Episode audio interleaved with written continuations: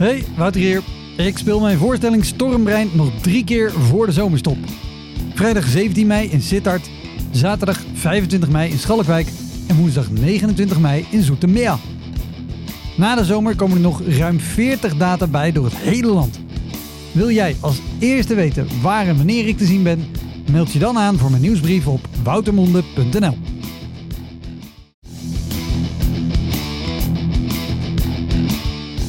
Welkom, mijn naam is Wouter Monde. Dit is de Elektra Podcast. Een podcast waarin ik met collega's herinneringen ophaal aan shows die ze liever waren vergeten. Genoemd naar het roemruchte jongerencentrum Elektra in Sliedrecht, dat ooit bekend stond als de comedy hell.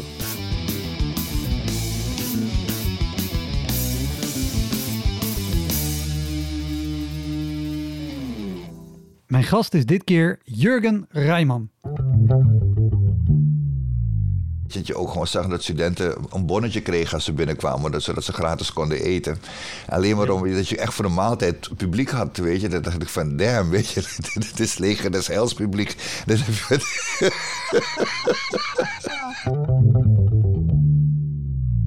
Jurgen ken je ongetwijfeld als presentator van programma's als Rijman is laat, Zo Rijman en natuurlijk The Comedy Factory. Het programma dat stand-up comedy naar het grote publiek bracht in Nederland en volgens mij ook in Vlaanderen. Jurgen is tegenwoordig niet zoveel meer op podia te vinden. Wat hij wel doet, dat vertelt hij aan het begin van de opname. We namen dit gesprek online op tijdens de zoveelste lockdown. Omdat er wat misging, is mijn stem zachter dan die van Jurgen. En dat kan ik niet beter krijgen dan dit. Maar hey, het gaat ook om de verhalen van Jurgen. Heel veel plezier. Dit is de Elektra Podcast met Jurgen Rijman.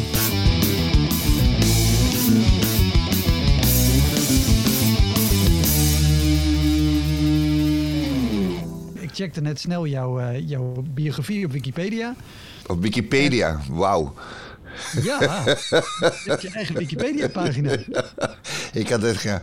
ik weet dat ik één keer heb ik mezelf op Wikipedia tegengekomen. Ik zocht het woordje snabbelen. En toen zat er een foto van mij op die Wikipedia-pagina. Ik heb het ook heel snel veranderd. Die motherfuckers. Ik weet de een of andere fucking Rotterdammer heeft het ooit gedaan waarschijnlijk. vind, vind ik ook een mooi om te beginnen. Om te beginnen. Ben, je, ben, jij zo'n snabbelaar dan? Ik ben ooit wel een snabbelaar geweest. Ja, tenminste, eigenlijk als ik nu kijk, uh, heb ik het voornamelijk van de snabbels, ja. En, maar dan um, noem je het nog snabbels. Ik zit meer in de consultancyhoek nu. Uh, ik doe echt nu dingen voor bedrijven, um, dagvoorzitterschappen. Ik doe heel veel um, trainingen ook over inclusie en diversiteit. Ja. Uh, het bedrijf waarvoor ik werk helpt mensen ook met uh, persoonlijke groei van hun personeel. Ik doe een beetje recruitment af en toe voor bedrijven. Dus ja, uh, het, is, het, is, het zijn verschillende jobs en dat zou je wel ja, snabbelen mogen noemen in onze termen. Ja, ja maar in, in, inmiddels is dat meer gewoon een, een andere carrière. Ja. Of is je carrière een andere kant op gegaan dan het echt snabbelen is? Zo kan je het noemen, ja. Maar het is, het is uh, omdat ik me dan toch nog een beetje artiest voel, noem ik het maar snabbels. Ook al zit ik bij EY e of PwC weer te verklaren waarom ze negers leuk moeten vinden. Dus, uh. maar, maar ik, ik bedoelde natuurlijk de, de klassieke snabbels. Ja. Dat je gewoon bij een bedrijf even een kwartiertje of een, of een half uur gaat doen. Nee, die, doe, die doe ik minder. Nee, maar je, maar je hebt ze wel gedaan. Oh ja, ja, dat is echt. Dat waren de krent in de pop altijd, Wouter. Dat was gewoon van. Uh, je had je vaste dingen met de televisie, had ik. En uh, met theater. Maar de echte krent in de pop, dat waren de snabbels altijd. Weet je, mensen die dan voor uh, een paar duizend euro laten komen. om even tien minuten leuk te doen. Weet je, en ik had gewoon één, ik had gewoon één, één set van 15 minuten. En daar heb ik echt tonnen mee verdiend door de jaren. nou ja, kijk, dat, dat is gelijk de goede kant van dat soort dingen. Ja. Het verdient een boel geld. Uh, maar ook wel, het verdient ook een boel geld, omdat het niet altijd de makkelijkste of de leukste klussen zijn. Nee, maar kijk, laatst hebben we toch een leuke gig gedaan. Ik bedoel, we hebben online comedy gedaan. Het was, uh, ja, jij, jij was zo braaf om tot naar de studio te gaan om het daar op te nemen. Ik heb het gewoon van achter mijn eettafel gedaan. en ik denk van, motherfucker, ja, yeah, I could get used to this. ja, ja, ja. Weet je, dus, maar, maar, maar dat is nu. En ik, ik, ik heb meer shows online gedaan. En ik moet zeggen, de meeste doe ik ook gewoon vanuit huis. Want het, eh, het kan. Eh, ja. Of in sommige gevallen. Maar jij zal ook de shows hebben gedaan, zeker in het verleden. Dat je wel dus aankomt op een bedrijfsfeest waar je, waar je staat en dat zeggen, nou, Ik heb het één keer meegemaakt. dus een van mijn best betaalde gigs. Ik vergeet het nooit met 10.000 euro voor een kwartier optreden. Echt, ik, ik, I'm not fucking with you. Dat was de raad van bestuur van PostNL, moest ik doen of zo. Uh, dat is echt jaren geleden hoor. Uh, ze hadden net een wissel van het bestuur. Ik weet nog, Wim Kok zat zelfs nog in de, in de raad van commissarissen. Kan je nagaan hoe lang geleden het was. En ik kom daar in, in een... Het was ergens in een pand in Amsterdam. En ze hadden dus twaalf van die man zaten tegenover me. Ik zat met mijn pianist echt op vijf meter van die man. Alsof ik een soort van... Uh, heb je wel eens in de, de Senate zo die auditory committees gezien... waar dan iedereen zo rond de tafel zit... en dan heb je één slachtoffer die zich moet verklaren. in het midden. hey, alles wat ik zei, alles, er kwam gewoon geen lach van die motherfuckers in gezicht. En dat moest ook nog in het Engels. En iedereen zat me aan te kijken van ja, waarom doen we dit eigenlijk? En uh, enige wat ik in mijn hoofd was, wat in mijn hoofd rondging, is van 10.000 euro, 10.000 euro, 10.000 euro. Nog maar vijf minuten, 10.000 euro, vijf minuten, 10.000 euro. Het is echt, ik heb, ik heb liedjes gezongen. Ik heb bijna, op een gegeven moment dacht ik, weet je wat, tap maar voor ze. Misschien dat dat helpt. Maar ik had mijn tapschoenen niet bij me. Dus, uh, maar uh, dat, dat was echt vreselijk. En ik begrijp wat je bedoelt. Het zijn echt van die gigs dat je soms echt dood kan gaan. Maar het enige wat er in mijn hoofd achterbleef was van, uh, oké, denk aan je factuurtje dat je dadelijk moet sturen. Dat maakt alles weer helemaal goed. En deze mensen zien je nooit meer terug, want ze gaan je geen tweede keer vragen. Geloof me, daar hoef je geen zorgen over te maken. ja, dat, dat, precies, dat is het met, met dat soort plekken. Dat je, ja. Maar je, je zal er ook... Kijk, natuurlijk is de, de redding altijd gewoon denk aan de factuur. En mede daarom is de factuur ja. ook wat die wat die is. is ja. Maar soms maar... heb je ook eentje ertussen die lacht, weet je. Heb je eentje op je, op kan werken en is het de moeite waard. En ik had altijd wel de eer aan mezelf. Ik had altijd met mijn toetsen en zo de afspraak van... als wij er maar plezier hebben met z'n tweeën, weet je, fuck them... dan hebben wij tenminste een leuke dag gehad. Ja, ja, ja. En daar hield ik het aan. Want, want je hebt ook dat je er wel wegrijdt... en dat je ondanks je, je goede bedoelingen... en ondanks je voornemens met je pianist wegrijdt en denkt... hier heeft niemand Nee. lol aangehad. Nee, nee, dat, nee. Ze niet. dat ik echt denk van, weet je, had het geld aan een, aan een begrafenis uitgegeven. Dan had je dezelfde reactie gehad uiteindelijk, weet je. ik heb echt van dat soort, ook van dat je naar mensen kijkt, weet je, dat je de grappen vertelt. En dan denk je van, shit, oké, dit niveau was iets te hoog hiervoor. En dan doe je gooi een platte ertussen tegen op het einde, dan gaan ze helemaal stuk. En dan moet je dan nog tien minuten doorgaan, alleen maar om ze nog die lach te geven waarvoor ze betaald hadden. En dan denk je, jezus, dat ik dit geweten, dan was ik direct begonnen met piemels en plas en poep, weet je. Maar dat vinden jullie blijkbaar toch wel heel intelligente humor hier in de achterhoek met je neven. Dus. Uh, ja, dit, dit, is, ik, heb echt, ik heb echt hele mooie dingen meegemaakt. Echt, uh, ook mensen die er met je in discussie gaan over een grap, weet je. Dat je dan ergens komt, mensen die, ja, dus echt heb ik echt... Uh, ik had een keer op een bedrijfsfeest en ik maak een grap. En die man zei, je mag echt over alles grappen maken. En ik maakte een grap en het was iets met het geloof of zo. Nou, en een vrouw stond op en die begon het evangelie voor mij te verkondigen daar, zo midden in het optreden. Dus ik zei op een gegeven moment toen ze klaar was, amen zuster, amen. Ik hoop dat deze heidense motherfuckers ook doorhebben wat wij bedoelen, dat de Heer verlicht het is. En toen werd ze helemaal lijp. En toen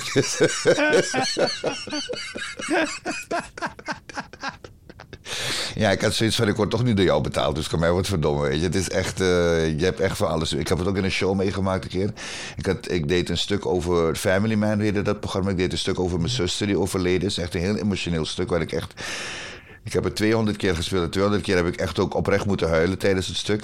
En er staat een vrouw op en in de zaal plotseling, ik vergeet het nu, want het is in, uh, waar was het weer? Uh, in Amelo. Ja, in Amelo. En die vrouw stond op en die zei van, ja, ik vind het helemaal niet grappig. Ik heb mijn kind tien jaar geleden verloren en dat je er grappen over de dood is zit te maken. Alles. Ik zei, mevrouw, dit is ook niet grappig bedoeld. Ik heb een vertellen oprecht verhaal over mijn overleden zus. Ja, het zal wel dat je zus dood is. Ik geloof er niets van. Echt, ja, ja. En die hele zaal er ook aankeek van, hé hey, Karen, rustig aan, bitch, weet je. Dit is...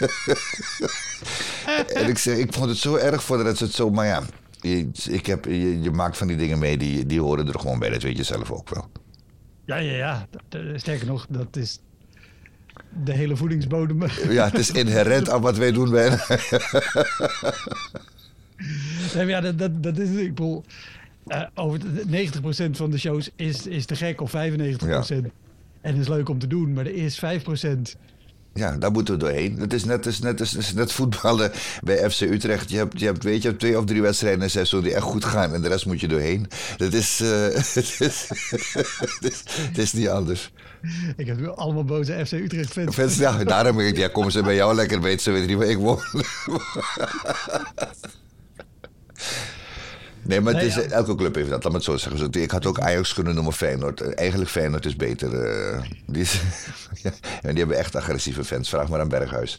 Dus eh, Dat, dat sowieso. Maar ja, maar dat, dat, dat is het. Je komt op plekken dat mensen rare shit roepen. Heb jij, heb jij daarin een, een verandering gemerkt? eh, zeg maar tussen wel of niet op tv zijn? In, in- eh, wauw, dat is een ping in mijn oor. Voor mij ging er iets, is er een bericht binnengekomen. Maar nou ja, dat, eh, dat merk je wel als je moet afmonteren. Ehm nou, je merkte wel in het begin. eh, kijk, ik ben namelijk bijna vrijwel direct op televisie begonnen. Ik, heb, ik, heb, ik deed eh, comedy in Suriname. En toen ben ik hier naartoe gehaald om eh, een toertje te doen. En dat was echt voor de Surinaamse community al hier. Weet je, die hadden allemaal gehoord van een familie dat ik wereldberoemd was in Suriname. Dus dat ze het moesten zien. En eh, toen kwam daar iemand van Man at Work en de NTR kwamen kijken. En die hebben me toen gevraagd om de Comedy Factory te presenteren. Dus ik ben eigenlijk ja, eh, direct op televisie begonnen bijna. eh, Voordat ik echt theater... Ik heb een, ja, een heel klein toertje gedaan voor, voor mijn familie. Om het zo te noemen. Het waren alleen Surinamers die kwamen. Ik, heb echt, ik, heb, ik deed zelfs voorstellingen in bij mensen in de woonkamer... die me hadden ingehuurd om voor 30 man te komen spelen in de woonkamer. Het was echt waanzinnig wat ik heb meegemaakt. Maar toen kwam de Comedy Factory. En eigenlijk vanaf de Comedy Factory... begonnen al mijn theatershows direct goed te lopen. Dus dat is wel wat ik heb gemerkt. Dat, eh, en de Ja, gigs ja. tussendoor... Ja, dat, dat ging ook fantastisch. Dus ja, je bent dan een soort tv-celebrity. Dus mensen, je komt binnen, weet je. Het is net als Guido Weijers en eh, eh, net als eh, die ander weer, Lubach. Ja, je denkt, ze, hebben zo, ze scoren zo goed op tv, dus ze moeten wel leuk zijn. En, ja, dan lach je vanzelf wel om die onzin die ze vertellen. ja. Mensen willen dan ook heel graag. Mensen willen heel graag lachen, ja, precies. Maar, en, wat, wat even, je zei, je, hebt- je hebt heel veel huiskameroptredens gedaan. Eh, en, en ook voor, voor Surinaamse families op Ja, Surinaamse ja. huiskamer. Ja, gewoon. Ja, dus terwijl ze Bami zaten te eten, zat ik daar grappig te doen. Dat is echt... Ah. Met de rotti op schoot en Raymond dan een grap vertellen. Dat was echt, eh, ja, was, ik voelde me net Studio Sport op de, op de zondagavond. en Surinamers eten altijd als ze bij elkaar komen. Dus ja, dan moest je optreden tijdens het eten gewoon. Ja, ja. Ik heb ooit één keer een te gekke show gedaan. Het was een, een, een Nederlandse man. En die was echt al ergens in de 50 en die was getrouwd met een Surinaamse vrouw. Oké. Zij was, zij was een jaar of 30. En zij was een hele mooie vrouw. Hij was een man. Met Eh, geld. dus- ja. Eh, ik, ik wil heel graag geloven dat het oprechte liefde was. Maar de, de verhoudingen waren een beetje scheef. Ja. Maar die, maar die hadden voor het eerst deden ze een verjaardag samen van hem en van haar. En dus ook voor allebei de families samen. Oeh. En of wij dan comedy daar wilden doen. En het was zo grappig, want de, de hele woonkamer zat vol. Ik denk 90% was de Surinaamse familie en 10% waren gewoon witte Nederlanders die heel bang om zich heen zaten. Ja, ik ben beroofd door de zwager van mijn nicht op tijdens een verjaardagsfeestje. Het was heel bijzonder. Nou, ik, heb, ik, heb het een keer, ik heb het een keer meegemaakt. Mijn vrouw had was een verjaardagsfeestje.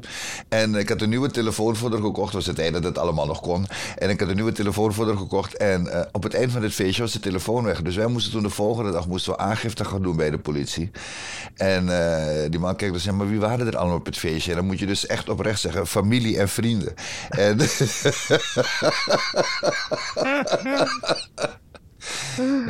Later kwam ik erachter dat we één neef hadden die junkie was. En dat wisten we toen nog niet. En eh, nou ja, die, had gewoon, die heeft gewoon die telefoon eh, achterover gedrukt. We hebben hem toen niet meer aangegeven hoor. We hebben gewoon, ik heb hem gewoon 100 euro extra gegeven voor de overdosis. Maar eh, het, was, het was wel heel gênant als je naar de politie moet gaan en dat moet zeggen. Dus ik kan me voorstellen hoe de witte familie zich voelt op dat moment. Surinamers kunnen heel intimiderend zijn op feestjes. Ja, het, was, het was een te gek feest. Het mooie was ook, want wij, wij zaten te wachten van tevoren tot, tot het begon. En uiteraard begon de show wat later dan gepland. En toen kwam die vrouw op een gegeven moment naar ons toe. Die zei, ja, ehm, de, de familie van Henk, weet ik wat. Ja, die, zijn, die zijn al naar huis, want ja, het werd te laat. En die moesten, moesten nog een heel eind rijden. Ik kwam op een gegeven moment ook op. Ik zei, de familie van Henk, die moesten anderhalf uur, want ze moesten lang rijden. Ik zei, het is 13 uur vliegen naar Paramaribo. Wie heeft nou de rijtijd? het, was, het was een te gekke show. Maar wel ook, ik moest dus uitleggen, wat je zei over, er, er is altijd eten bij. Ik moest dus uitleggen dat ik heel graag wilde eten, want het zag er te gek uit. Ja. Maar pas na de show. Ja, maar dat begrijpen ze dan ook niet. Want je moet direct eten als je binnenkomt. Precies, dat, Ja. dat, dat was een hele lastige om uit te leggen. Ik wil dit heel graag opeten, alles wat er staat. Het is bijna beledigend. Het is bijna beledigend als je, als je die direct eet, ja. Ja, dat Ja. is waar. En, en, en, en heb, je ook, heb je ook wel huiskamershows gedaan voor, voor Nederlandse gezinnen of niet? Nee, dat geluk heb ik nooit gehad. Misschien moet dat een nieuwe carrière worden dadelijk. ja. Ik, ik zou het lekker bij de consultancy houden. Bij de consultancy. Heb je dat, was het erg? Uh, ik, heb, ik, heb, nou ja, ik heb hele leuke gedaan, maar ook, ook hele verschrikkelijke. Maar dat, dat was waar ik ook wel benieuwd naar was. Uh, want zeker als je, als je zegt, weet je, ik ben uit Suriname gehaald en ik deed hier uh, uh, huiskameroptredens of ik speelde voor Surinaams publiek. En je gaat dan opeens voor Nederlands publiek spelen. Dat contrast is volgens mij best wel groot. Want, want überhaupt ander publiek dan Nederlands is over het algemeen een stuk uitbundiger in hun reactie. En dan sta je voor een Nederlandse zaal die het misschien heel erg leuk vinden, maar die dat niet per se laten merken. Ja, nou, ik ben in Amsterdam begonnen ooit en in Rotterdam toen ik begon te toeren. Dus, in de, dus daar was er nog een gedeelte Surinaams, altijd 50-50. Maar op een gegeven moment toen ik bekender begon te worden, ging je daar ook dan... Ja, dan kom je ook in Maas, Maasluis en uh, in Breda en, en, en, en, en, en, in Sittard en noem maar op. Uh, plekken waar ik ja, eigenlijk alleen maar, die ik alleen nog kende van de topografie vroeger op school. Die ik in Suriname ook moest leren.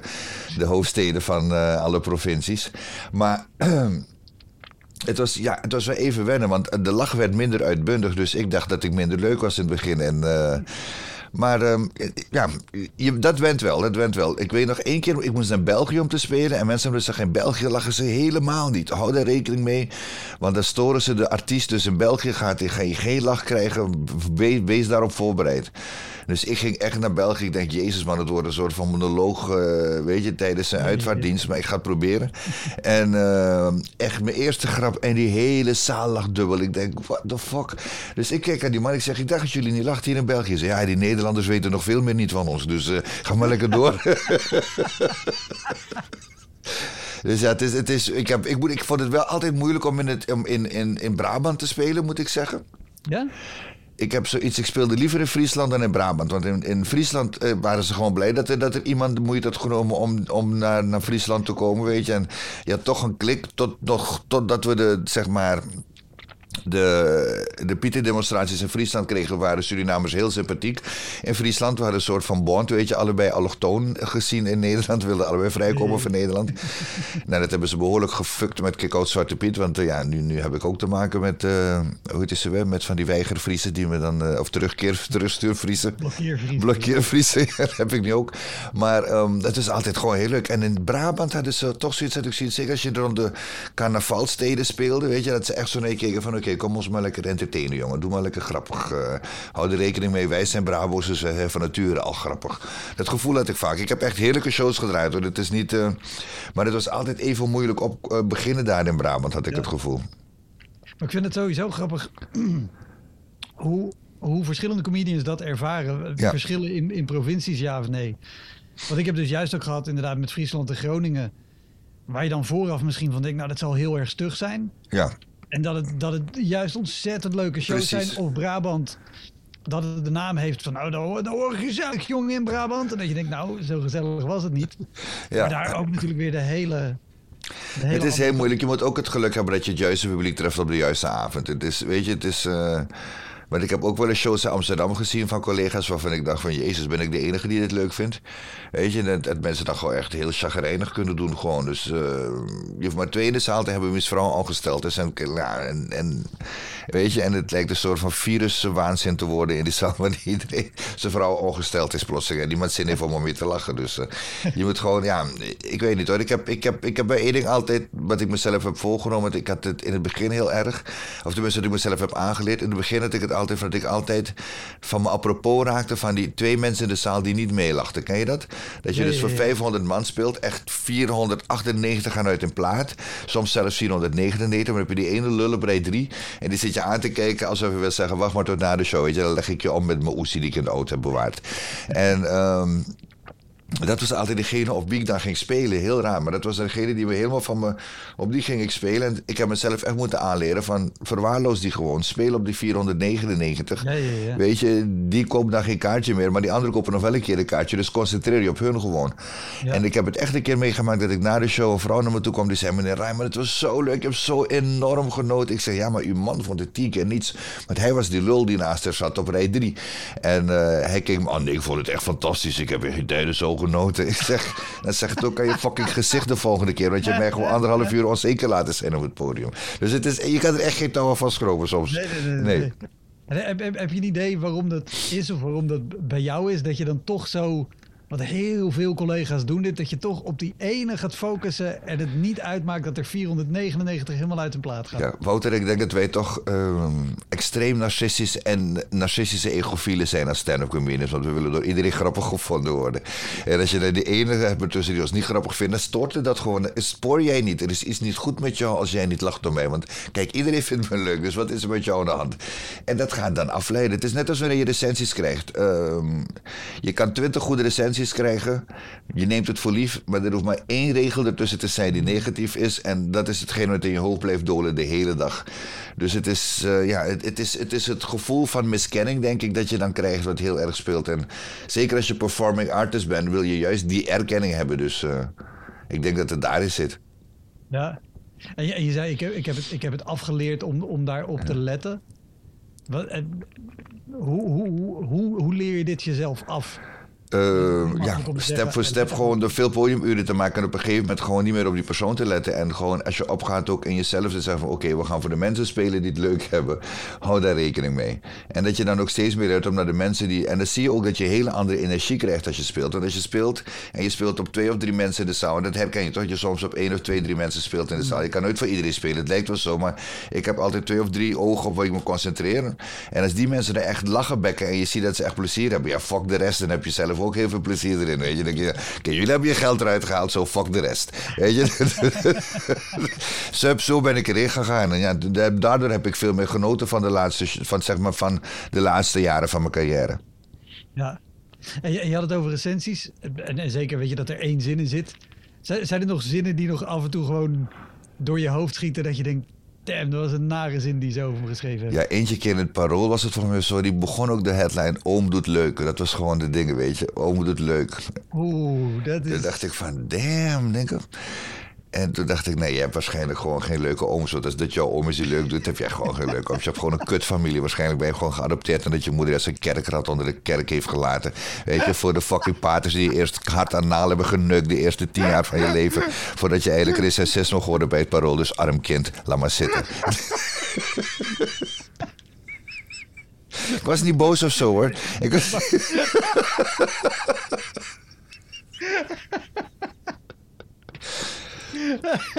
Jeetje, maar ik heb recensisten ook nooit begrepen. Ik heb zoiets van, uh, weet je, het zijn meestal van die mislukte bordenfokkers... die zelfs de toneelacademie net niet hebben gered. Weet je, en die komen dan iets waar je echt maanden voor hebt gewerkt, hebt gezweet. Weet je, de hele zaal ligt in de deuk.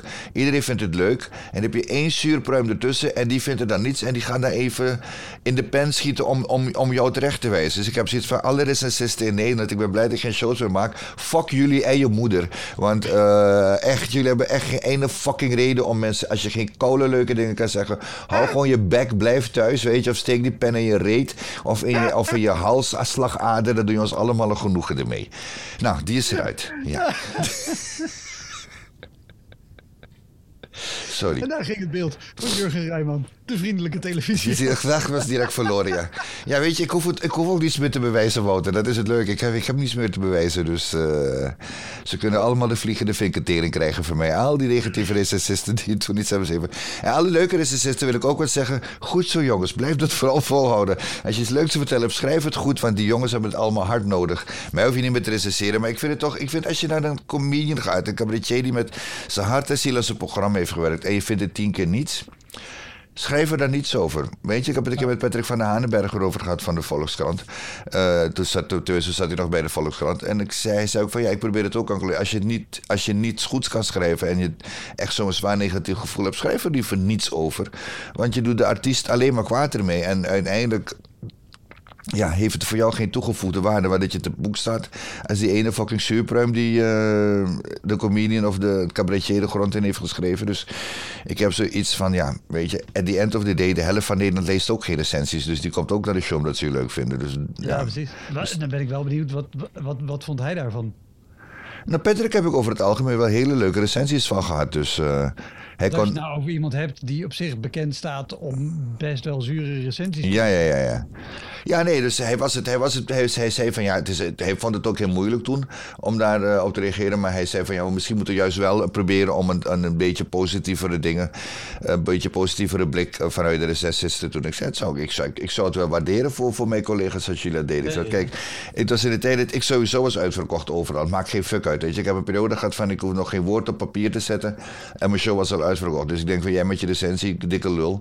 Maar Ja, ja, ja. Ehm, ik, ik heb het ook meegemaakt met collega's dat ik dan naar de show ben geweest. En dan denk ik achteraf als ik de recensie lees, come on man. Hebben we dezelfde show gezien? Ja, precies. Of heb je gewoon de pest aan die jongen? Ja. Hoi, Wouter hier. Luister je vaker Elektra? Dan is het een goed idee om crewmember te worden. Je doneert dan automatisch elke maand een klein bedrag. En in ruil daarvoor krijg je extra afleveringen, consumptiebonnen om in te wisselen als je eens live bij mij komt kijken. En je krijgt een unieke link waarmee je voortaan de podcast luistert zonder dat ik halverwege onderbreek om te vragen of je crewmember wil worden. Zoals nu. Dus, word crewmember. Dat kan al vanaf 1 euro per maand. In de omschrijving van deze aflevering vind je een linkje voor meer informatie. Oké, snel weer terug. Hey, Wouter hier. Wist je dat Elektra Podcast ook op YouTube te vinden is? Op een handjevol afleveringen na staan daar namelijk alle afleveringen met beeld. Zoek gewoon naar Elektra Podcast en vergeet niet te abonneren. Hey, Wouter hier. Ik speel mijn voorstelling Stormbrein nog drie keer voor de zomerstop. Vrijdag 17 mei in Sittard, zaterdag 25 mei in Schalkwijk en woensdag 29 mei in Zoetermeer. Na de zomer komen er nog ruim 40 data bij door het hele land. Wil jij als eerste weten waar en wanneer ik te zien ben? Meld je dan aan voor mijn nieuwsbrief op woutermonde.nl. Nou, en- En, en- en je zei net, eh, ehm, je zei ja, ik, heb- ik heb die recensies niet meer nodig, ik hoef toch geen shows meer te verkopen. Eh, dus eh fuck dat. Maakt, maakt je dat bij de shows die je nu nog wel doet, eh, dat gevoel je ook vrijer in het, in het spelen dan misschien eerder, of niet? Nee, want ik heb, ik heb eigenlijk nooit voor recensisten gespeeld. Ik bedoel, dat heb ik mezelf wel heel gewoon aangeleerd. Ik, ik bedoel, je leest het toch omdat je weet wat mensen van je denken. Maar ik heb, ik heb, het, ik heb het nooit leidend laten zijn in wat ik doe. Eh, het, het kan je wel heel erg eh, zeg maar, steken als je negatieve krijgt. Maar ik, heb, ik ben altijd stug door. Ik heb nooit de show aangepast vanwege recensie of zo. Weet je, dat ik denk van, oh, dat vond hij minder goed. Dus ik moet, dat heb ik zoiets van nee. Ja. Nee, ik bedoel über- überhaupt gewoon in, in hoe vrij je bent op een... Op een Ja, nee, sowieso. Maar dat heb ik de laatste tijd sowieso. Weet je. Ik, ik heb laatste optredens die we deden ook. Ik heb, ja, ik, heb, ik heb nu sowieso een soort vrijheid ook dat ik denk van ja, ik bedoel... ehm, Dat, want dat inderdaad. Want als, als ik vergelijk, nee, de, de show die wij van de week ook Ja. samen deden. Als ik vergelijk hoe je daar speelt in vergelijking met eh, de shows die we eh, vijf jaar geleden deden op de Pier in Scheveningen. ja. Dat, dat is, heb, je, heb je nu volgens mij veel vrijere toon en veel uitgesprokener. Nee, dat is waar. Maar die, de Pier op Scheveningen, dat was ook natuurlijk... Het was, het was een probeersel, dus het was ook... ehm, ja, mensen... Het was, het was een tasty comedy, weet je. Het is, eh, Ja. We hadden sowieso een lul die daar eh, manager was. Dus dat maakt het ook niet fijner om, te, om daar elke week te zijn. Maar ehm, ja, ik had daar gewoon één ding van. Ik doe één vast riedeltje gewoon, weet je. En ehm, je weet wat, dit zijn drie dingen die werken. Je had geen, ik, had geen, ik had daar helemaal geen ding om te try-out of dingen uit materiaal uit te proberen. Dus ik had gewoon vijf of zes stukken die, waarvan ik wist dat ik werkte. En die roleerde ik gewoon per avond. Nee, dus het ja. was, eigenlijk was het eigenlijk ja, heel plastisch wat ik deed. Van, eh, gewoon de grappen uitvoeren en eh, kijken wat Ja, er gebeurde. Dat, dat was ook de plek. Ja, Dat- dat is de plek ervoor. Geen plek om, om iets nieuws te doen of Nee. om iets te doen wat misschien iets gewaagder was. Want eh, voor mensen die het niet kenden, het was eh in Scheveningen op de pier, op de bovenste verdieping. Wij speelden op een klein rond podium in het midden. En daar zat eh, op de uitverkochte avonden eh, eh, 300 tot 320 man volgens mij. Ja, die allemaal hun kaartje op vakantieveilingen hadden gekocht. Of via vakantieveilingen of daar via een bedrijf zaten. Ja. Want eh, op zich, eh, ik, ik heb er ook hele leuke avonden Ik heb er gehad. echt leuke avonden gehad, absoluut. Ik heb er echt, ik vond het, ik heb echt genoten ervan. Ik, ik ga daar niet lullig over. Ik ga niet, ik ga niet nu doen, ik ga niet zuur gaan doen, omdat, Nee, die, nee, nee, nee. omdat die manager een lul was. Eh, ik heb echt, ik heb echt hele leuke, ik heb echt hele leuke avonden daar gehad. Echt ook heel leuk publiek, oprecht publiek, het echt kwam Ja. genieten. En eh, ja, enig was op een gegeven moment, ehm, weet je dan zit je daar en dan denk je van ja, ik kan wel steeds nieuw materiaal bedenken. Maar er zijn steeds andere mensen die komen zitten. Ik bedoel, dus waarom zou ik daar moeilijk over moeten doen? precies. En, en ook, uh, want als tegenhanger van, van de hele leuke shows die we hebben gehad, we hebben er ook heftige shows gedaan. Zeker in, in deze periode waar we nu zitten, zo december. Ja. Vanaf november begon dat, dan kwamen er bedrijfsfeesten. En dan zitten gewoon 300 man om je heen. Te lallen. Lallen. Ja. Want die zijn gekomen voor gewoon een avond gratis eten en drinken op kosten van de baas. En die vind het alleen maar irritant dat jij er 20 minuten doorheen Er zitten lullen, ja, precies. Oh, maar daar had ik, ik vind juist dat soort avonden, weet je, dan ben ik ook altijd, dan kan ik lekker hard worden en dan scheld ik iedereen echt voor zijn, voor zijn, ik heb altijd één of twee ertussen die ik dan aanpak. En ik heb verder zoiets van, ja, weet je, fuck it, weet je, je moet er gewoon echt, je moet echt manieren gaan leren. Ik begrijp het ook niet. Op een gegeven moment heb ik meer medelijden met het gaaiers. Dat ik denk van, als je avondje uitgaat en je gaat comedy kijken, weet je, hou gewoon je bek en luister even die 20 minuten. Maar als je niet bent opgevoed door je moer, weet je, omdat je ergens uh, eruit bent geperst in een fucking stal op drie hoog achter, is het ook niet mijn schuld. Uh, dus ja, weet je, go ahead. Weet je, wees maar die, die, die fucking inbred motherfucking uh, trader trash asshole die naar mijn show is gekomen. Weet je, I'm getting paid motherfucker. Dat is het uiteindelijk toch. ik was niet boos op of zo. Begrijp me niet verkeerd. Er zit helemaal geen woede achter.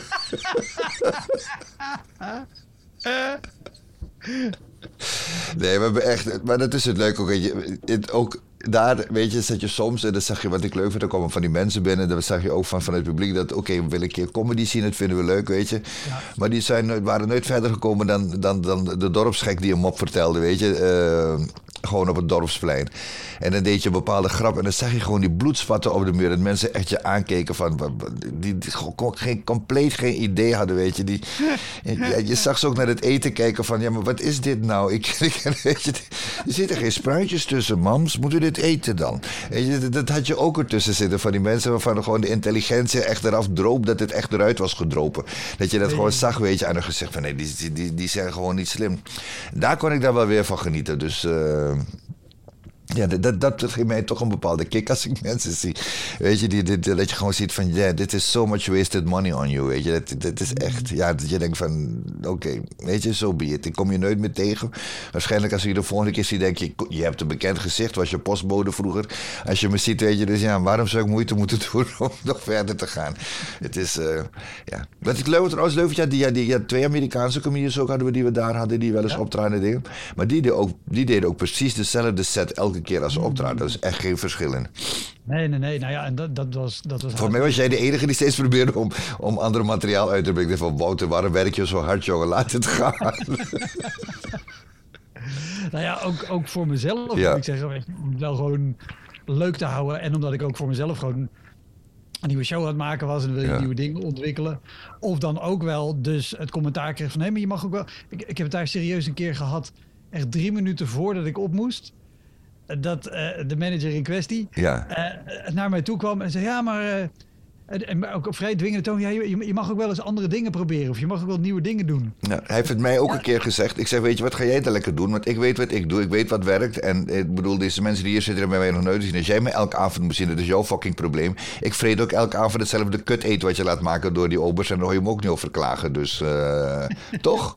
Nee, precies Ja. dat. Je doet elke avond andere mensen. En het was geen makkelijke zaal om voor te spelen. Ik weet dat deze set werkt. Ja, Ik doe in, die- in principe deze set. dan ga je er naartoe, toch? Ja. even wat nieuwe dingen tussen te steken. Ik bedoel, het was geen Toemlers of zo, of Comedy Café, weet je, waar je echt dan eh, Nee. echt comedy minnend publiek kreeg. Je kreeg gewoon vreters daar die voor weinig geld wilden vreten en een beetje wilden lachen erbij. Dat, dat was het gewoon. Ik bedoel, eh, het was niet echt, echt die-hard comedy publiek wat we daar kregen over het algemeen. Alle, alles behalve. Ja, precies. Nee, maar het was, het was eh, ja, god, ik, het eten, jongen, het was echt, op een gegeven moment, in het begin was het echt lekker, weet je, ik was echt, ik had ramen ook echt lekker, maar ramen zei, ik heb alleen maar de recepten gegeven en toen moesten ze het op een gegeven moment zelf maken en daar ging het fout, dus eh, Ja, Ja. ja. Ramon Beuk was dat. Ja, Ramon Beuk. Met heel lekker eten inderdaad. met heel lekker eten, maar het eten hebben ze heel snel vernacheld, omdat het van management niet zo duur moest zijn waarschijnlijk, dus, eh, nou ja, we gaan er niets meer over zeggen, het was een leuke tijd samen, laten we daarop houden. Het, het was een mooie tijd. We hebben Ja. het leuk gehad. Absoluut, ja, De badkamer van betaald. Juist. ja, ik heb de laatste betalingen van mijn Porsche kunnen doen, dus het was wel handig. Wat, hoe, dat vroeg ik wel af, hoe, hoe was dat? Want je hebt zeven jaar lang volgens mij Ruimond is Laat gepresenteerd. Eh, ietsje langer. Eh, langer zelfs nog. 15 jaar. Eh, hoe, hoe lang zei je? 15 jaar. 15? Van 2001 tot en met 2015. Oh, wauw. Uh, want dat was natuurlijk uh, toen, toen het liep gewoon het programma voor stand-up comedy op, op Nederlandse tv. Maar hoe was dat in die, in die eerste seizoenen? Hoe, hoe was publiek toen? Want toen was comedy ook nog niet zo bekend. Nou, ik had, we hebben natuurlijk eerst dingen gedaan. De Comedy Factory heb ik eerst gedaan. Dus mij was al bekend dat ik Comedy Factory deed en dat ik de stand-up comedy deed. Ik, ik zei Rijman is laat, ja. ik bedoel de Comedy Factory. Sorry. De Comedy Factory, dat was een stand-up programma. Dat hebben we, even kijken, zes seizoenen gedaan. En toen uh, de laatste drie seizoenen deed ik Rijman is later naast. Dus het ging eigenlijk vanzelfsprekend over. En Rijman is later was meer een soort magazine, een mid, uh, late night show. Uh, maar ik heb, wat, wat ik wel heb gemerkt is dat uh, de Comedy Factory wel de basis heeft gelegd voor alles. Want dat ik bij de Comedy Factory als een soort van. Uh, ja, ik heb een keer gelachen. We deden een quiz ergens en men vroeg toen uh, op tv was het van wie was de grondlegger van de stand-up comedy in Nederland. En toen stonden Raoul Heertje en ik stonden onder elkaar in de alternatief. En ik werd genoemd steeds. En ik moest zeggen: nee, het was Raoul, geloof me. Hij is begonnen te. maar door de Comedy Factory dachten mensen dus dat ik stand-up comedy had geïntroduceerd in Nederland. Dus ja, dat heeft, dat heeft me zeker geen windeieren gelegd. Dat is. Ehm, dat, dat, ging meteen wel goed. En, en het leuke was, um, ik werd naar hier, ik werd dus, nou, even het begin.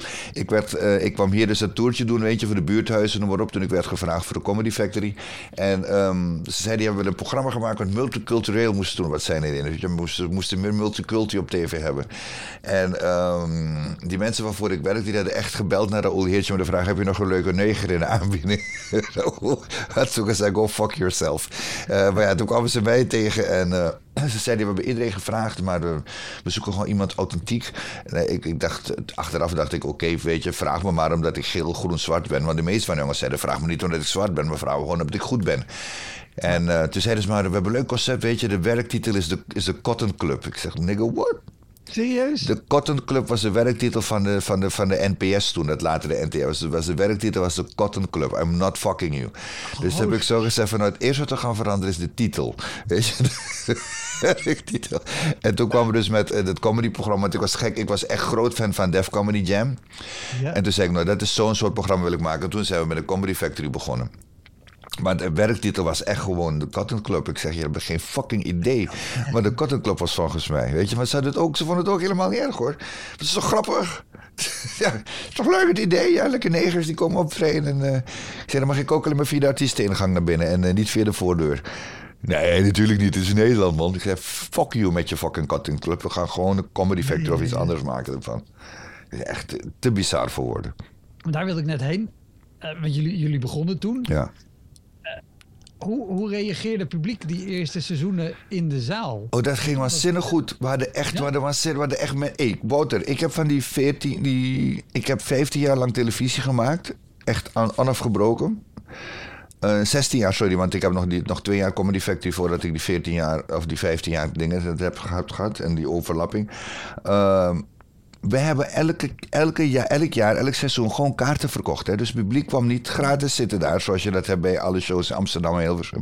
Men kocht echt kaarten om te komen. Dus het was, en we waren elke fucking week uitverkocht. Het was echt. Uh, en de mensen kwamen echt om te lachen. Dus we hadden qua publiek was het echt waanzinnig. We waren ook in Hilversum. Dat mensen Hilversum was belden. Ja, hoe kom je in het publiek? Kun je niet ons helpen een publiek te vergaren voor ons?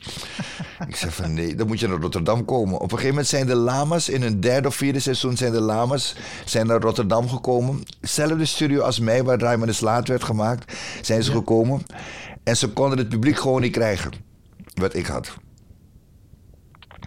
Ze hadden gewoon echt van die witte tuthutjes die studeerden. Oh, leuk, we gaan het hele backland kijken. Nou, die zijn niet grappig om, om voor te spelen. Dus... Tijl is wel grappig, maar die meisjes die keken niet. En wij hebben dus echt, we hebben dus echt, we hebben echt, wat dat gaat, hebben we echt heel veel geluk gehad. Dat we, ja, we hebben altijd mensen gehad die echt kwamen voor de, voor de show gewoon, die echt enthousiast waren. Dus ja, ik, heb, ik deed ook altijd, tenminste in het begin hadden we Jeffrey Spalburg die de warming-up deed. Uh, we hebben nog een paar andere warming-uppers gehad, maar op een gegeven moment deed ik de warming-up zelf gewoon. Ik was even tien minuten met de mensen praten en dan begonnen we met de show. Ja, ja, ja. Heerlijk, het was echt, uh, ja.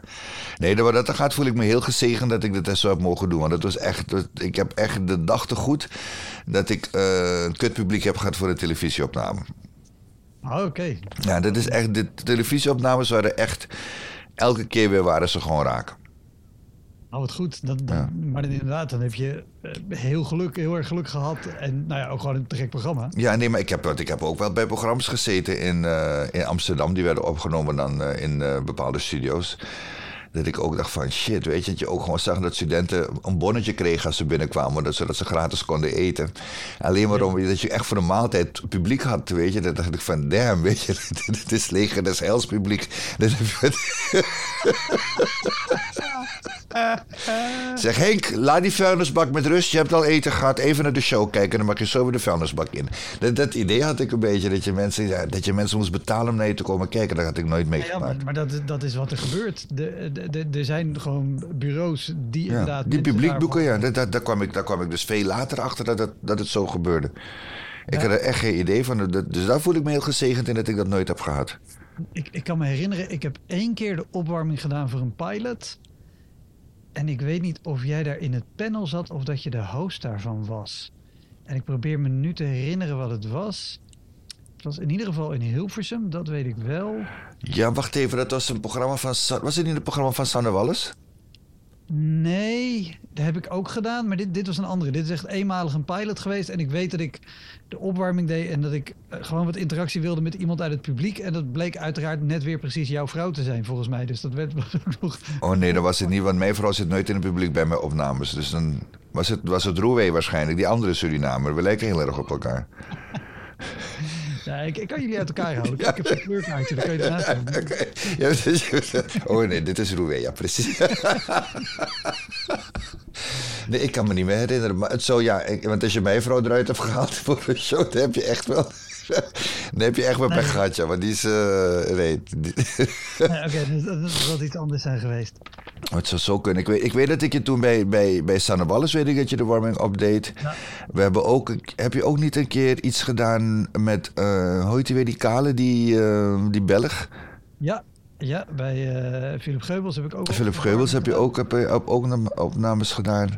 Ja, ja ik, ik, ik heb verschillende dingen gedaan. Even- Inmiddels doe ik alleen nog maar eh, eigenlijk de, de, de Zonder met Lubach heb ik altijd Ja. gedaan. En nu de nieuwe show ga ik ook weer doen. Ah, goed zo. daar- dat, die hebben hetzelfde uitgangspunt. Ja, Die zijn altijd uitverkocht. Het publiek heeft er zin in. Die weten precies waar, waar het op gaat. Ja, precies. Dat is leuk, want Ja. alle, alle andere dingen met ingekocht publiek...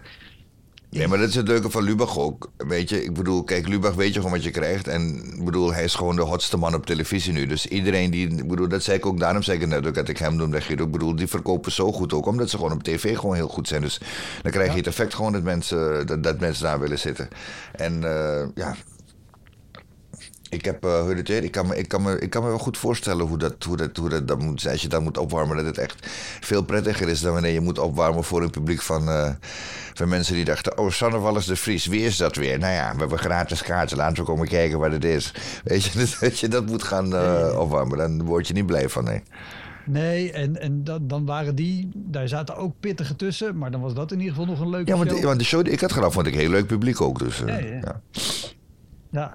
Zijn- Zijn er, shows waar jij, nu, nu je niet meer heel veel speelt, af en toe aan terugdenkt en denkt: Oh, wat lekker dat ik dat soort shows niet meer hoef te doen, of niet meer naar die plek hoef, of niet meer naar dat theater? Nou, sowieso dat ik niet meer van theater naar theater hoef te banjeren, vind ik al heel fijn. Weet je, op een gegeven moment, ik heb het, je moet nagaan, ik heb het vanaf 2000, nee, vanaf 1999 tot 2018, 19 heb ik gewoon elk jaar getoerd.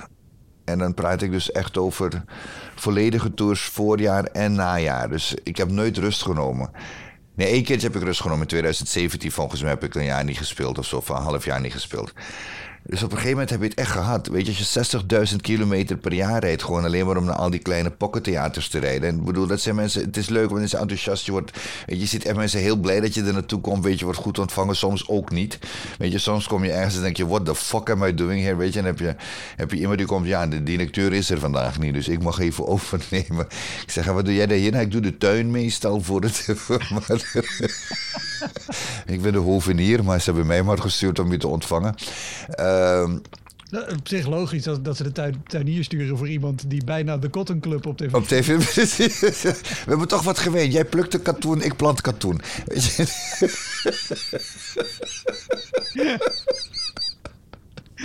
Ja, weet je, dus ik, dat, dat, dat, dat mis ik niet. En ehm, ik had ook mezelf voorgenomen dat ik eigenlijk tot mijn 55ste op het podium wilde staan. Ik ben een jaar eerder gestopt door de COVID, op mijn 54ste omdat ik, ja, ik wilde niet, ik wilde niet tot in lengte der dagen gewoon de, de, de, toeren, de toeren blijven doen.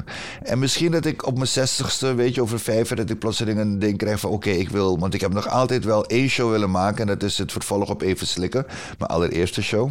Mhm. Maar misschien dat dan voor mijn zestigste verjaardag, dat ik dan, weet je, Amsterdam een theater huur en dat ik dan gewoon twaalf avonden gewoon die show doe. En dan ben ik klaar, maar dan ga ik niet meer het hele land doorreizen. Dat is, uh, daar heb ik echt geen zin meer in. Ja. Ik hou niet van autorijden. Ik, ik, echt, ik verafschuw het autorijden. En ik heb geen slechte auto, maar toch. ik denk dat heel veel mensen ook onderschatten hoeveel. Ja. hoeveel de gemiddelde cabaretier zit meer in de auto dan dat u wilt. Ja, precies. Ja.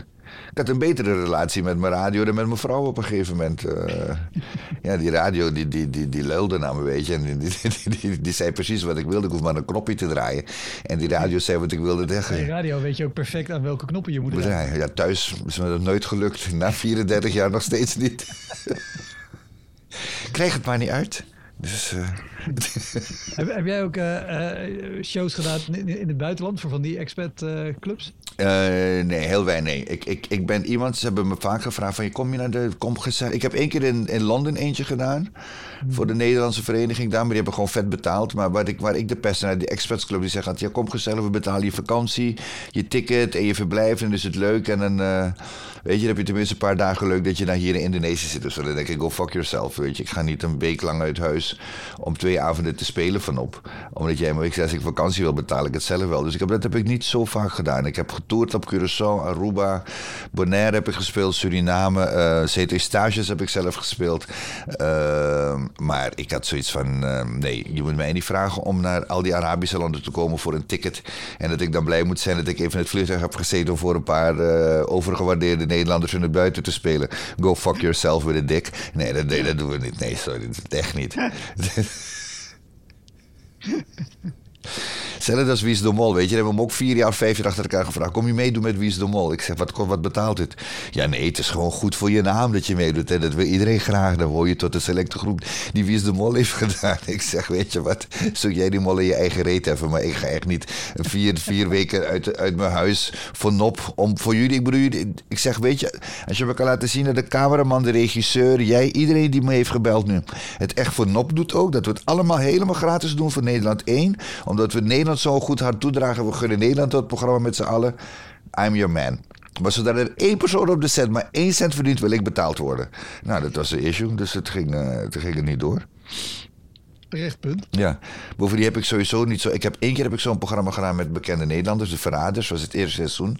Want een vriendin van me deed productie en die zei van, joh, ik doe een keertje. Ik, ik, ik hou echt niet van die programma's. Maar ik dacht, oké, laat me het doen. Nou, ik, op een gegeven moment, ik was daar de vierde dag ging ik eruit ja, ik, ik was al ingepakt toen ze naar mijn hotelkamer kwamen. Ik wilde echt ook naar huis. Dus ik had zoiets van, als ik vandaag niet eruit ga... dan slijk gewoon iemand op zijn bek of zo, weet je... zodat ze me eruit moeten zetten. Maar ik had het echt helemaal gehad. Het, het, is, uh, weet je... Dit, bekende Nederlanders kunnen hele leuke mensen zijn... maar drie dagen is het max. Uh, en dan heb je het echt gehad. Ja, maar, maar, ik denk dat bijna iedereen dat heeft. Ja weet je, op, op een bepaald vlak, het zijn natuurlijk toch ook gewoon collega's. Dat bedoel ik, ja. En heel weinig mensen zullen zeggen, nou, ik ga voor, voor mijn lol een week met mijn collega's. Collega's, ja precies, dat doe je toch ook niet als je bij de belastingen werkt? Nee, dan ga je ineens een avondje drinken met je collega's. Maar ik bedoel, van, uh, dan ga je toch ook niet als je gewoon een kantoor bent. Dan weet je, we gaan even een maand met z'n allen naar, naar Ibiza om opname te doen. Een spelletje doen voor televisie. is hartstikke leuk. Je ziet je baas ziet je aan aankomen. Ik bedoel, en dan, en maar je wordt er niet voor betaald. We hebben lekker vakantie met z'n allen. Je wordt er niet voor betaald, ja. Kom op zeg. Nee, nee, gaan we niet doen. Dat zijn echt dingen die ze moeten afleren in Nederland. Ze willen te veel gratis hebben. En ja, ik, ik heb, daar heb ik echt op een gegeven moment gewoon paal en perk aangesteld. Doe ik niet meer. Ja. Is er ook een show die, die je gedaan hebt, of een gewone of, of een bedrijfsoptreden, waar je zegt, nou, als ik, als ik het geld gewoon terug had kunnen storten en dat, dat die show ook uit mijn geheugen was gegaan, dan, dan zou het die zijn? Nee, omdat ik uh, dat geld altijd heel wat goed maakte voor mijn geheugen. Dus uh, ik heb geld terugstorten, nigga, no. Echt nee, dat heb ik Bij wijze van spreken. nee. Nou, die show die ik vertelde voor die, voor die raad van bestuur... dat is echt de show die me bij is gebleven. Ja. En ik hoopte dat ik iets had om het uit mijn geheugen te griffen... maar dat geld uh, is het niet. Nee, nee, nee, nee, nee, nee, nee. Weet je, het is... Ik heb. Ik heb ehm, eigenlijk is het een van de weinige keren dat ik een show had waarvan ik dacht van uh, zak door de stront met z'n allen. Um, ik heb over het algemeen altijd wel een modus gevonden om naar het einde toe de mensen mee te krijgen. Weet je, of een groot gedeelte mee te krijgen. Dus uh, ik heb ook altijd heel erg veel geïmproviseerd in mijn stand-up. Is, ik, ik, ik, mijn stand-up was meestal voor 40% improvisatie. Omdat ik altijd wilde kijken waar gaat het publiek naartoe, weet je. En met de mensen bezig zijn. En ja, dan merk je toch wel, weet je, als je, als je als je in een zaal zit die moeilijk meegaat en je begint twee mensen te beledigen, dan voelt de rest zich zo opgelucht dat ze beginnen te lachen. Dus uh, ja, sorry, then two people have to die, weet je, is collateral damage. Maar uh, dan heb ik tenminste wel een goede avond gehad. Dus, uh, heb, heb, je wel eens de verkeerde beledigd? nou, beledigd niet. Ik heb wel een keer, ik heb wel als je godverdomme die telefoon nu uitzet, uh, kan je liever, dan kan je echt naar je huis gaan. Bleek het iemand is er met een rolstoel die piepte. En die had een soort beademingsapparaat.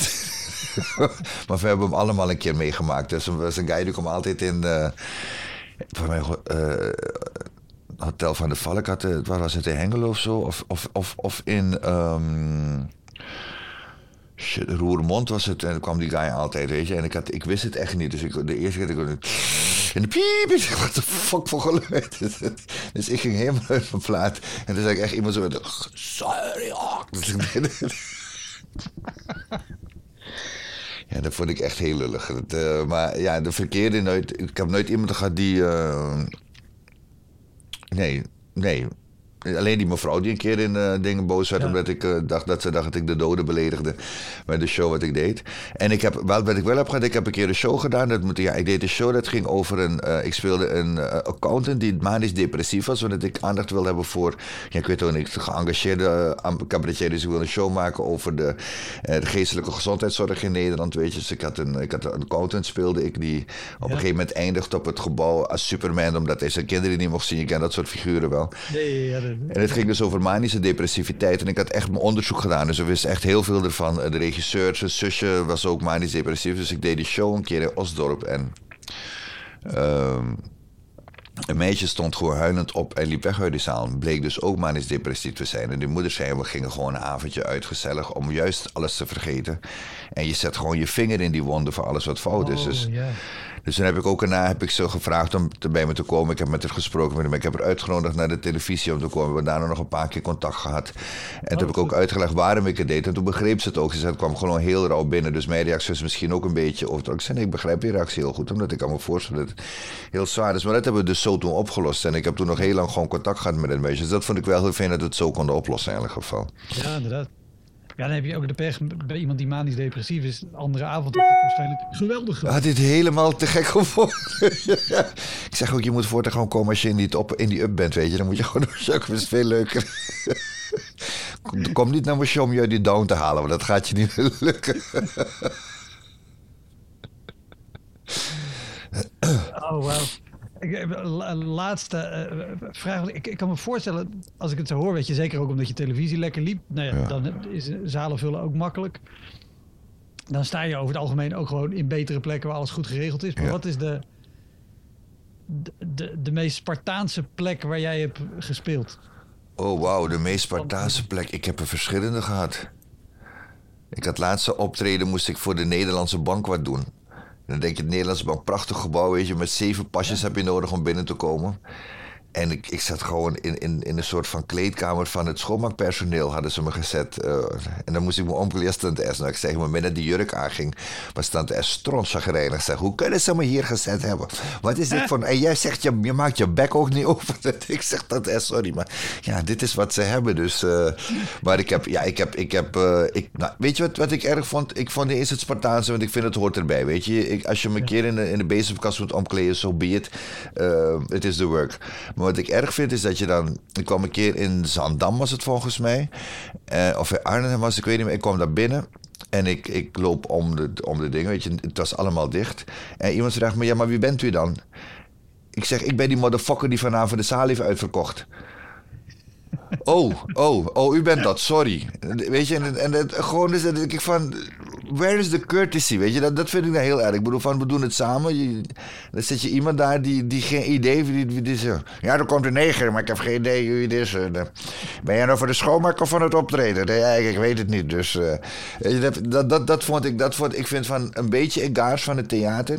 Ja. Dat is fijn, weet je. Ik weet, er zijn bepaalde theaters waar de directeur altijd die avond het heel druk heeft. Dus die- of dat hij net iets anders had of een andere voorstelling waar hij naartoe moest. Zo ben je, die zie je nooit.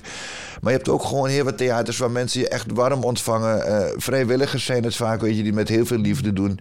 Die naar huis rijden om een om een eigen streekplank voor je te halen of een maaltijdje klaar te maken. Nou, dat zijn de dingen die voor mij het toeren altijd wel heel erg bijzonder hebben gemaakt. Dus ik, ik herinner me liever daaraan dan ehm, aan die klootzakken die ineens wisten wie je was als je daar aankwam. Dan dacht ik van ja, weet je, ik heb echt, ik had 800 kaarten verkocht was het in het theater. Ik vergeet 800 kaarten, gewoon stijf uitverkocht. Twee avonden achter elkaar en je komt de eerste dag daarin en vraag je, maar wie bent u dan? Dan denk ik, ja, go fuck yourself. Dat is echt... eh, dat ben ik. ja, ja precies. nou, ik heb het één keer ook gehad met Rijmen is Laat. Ik kreeg Ing- eh, Enrique Iglesias als gast bij Tante S. Ja. En eh, op een gegeven moment komt er een groep jongens binnen. En ik had hem helemaal niet herkend. En Ilo was zo naast me die de artiestenbegeleiding deed. Dus ze komen binnen. Ik kijk, maar wie is het nou? En ik kijk gewoon langs hem heen. Want hij had zo'n beanie of zo. Dus ik had die man helemaal niet herkend. En Ilo ging mij echt zo'n stomp in mijn rug. Hij staat naast je lul. Ik zei, hey, how you doing? Good to have you. Ik had geen idee wie dat is. Echt. Heb ik ook een keer gehad met. eh, ik was. eh, Patrick Kluivert had zijn bachelorsparty. En was in Amsterdam, we vergeten nooit. Maar het was net na het WK was geweest. Frankrijk was kampioen geworden. En uh, Edgar komt op een gegeven moment met de mattie van hem binnen. En hij stelt me voor aan hem. Ik zei, ah, ik zei en die man zegt. En ik zei, hoe, hoe heet je? Het is echt zo, weet je, hoe? En Edgar kijkt me aan. Het is Thierry Henry lul. Ik zeg, ja, sorry, had hem niet. Maar dat gaat ben ik echt een jojo met bekende gezichten en dingen. Dus ja, misschien kon ik die ene man in het uh, theater niet kwalijk nemen. Maar ik mocht het wel, want ik vond het... Ik zei fucking mealticket was die dag. Dan moet je wel een beetje mijn moeite nemen. Dus, uh, Nee, uh, gek man. Dankjewel. Yes. Nee, het was er genoeg. Ik vond het leuk om te doen. Dankjewel, Janke. Dat was hem, de Elektra Podcast. Meer informatie over mijn gast van vandaag en linkjes naar van alles en nog wat vind je in de omschrijving van deze aflevering. Er staan ongelooflijk veel afleveringen online van Elektra. En op elektrapodcast.nl kan je makkelijk zoeken op de naam van jouw favoriete comedians en cabaretiers. Je kan daar ook eenmalig doneren of crewmember worden. Als crewmember betaal je maandelijks een klein bedrag, maar dan krijg je ook nog eens bonusmateriaal. Je luistert voortaan zonder onderbrekingen en je krijgt consumptiebonnen die je kan inleveren bij een show van mij. Ik vind het sowieso te gek als je een keer komt kijken bij mij. Dus ga naar woutermonde.nl, daar zie je precies waar en wanneer ik optreed. Of meld je aan voor de nieuwsbrief, dan hou ik je op die manier op de hoogte. En dan nog iets, elke vrijdagmorgen doe ik een column op radiostation Kink. Je kan die column terugluisteren als podcast. Hij heet Kink op de Week en je vindt hem in de app waar je ook deze podcast luistert. Oké, tot de volgende Elektra. Hoi!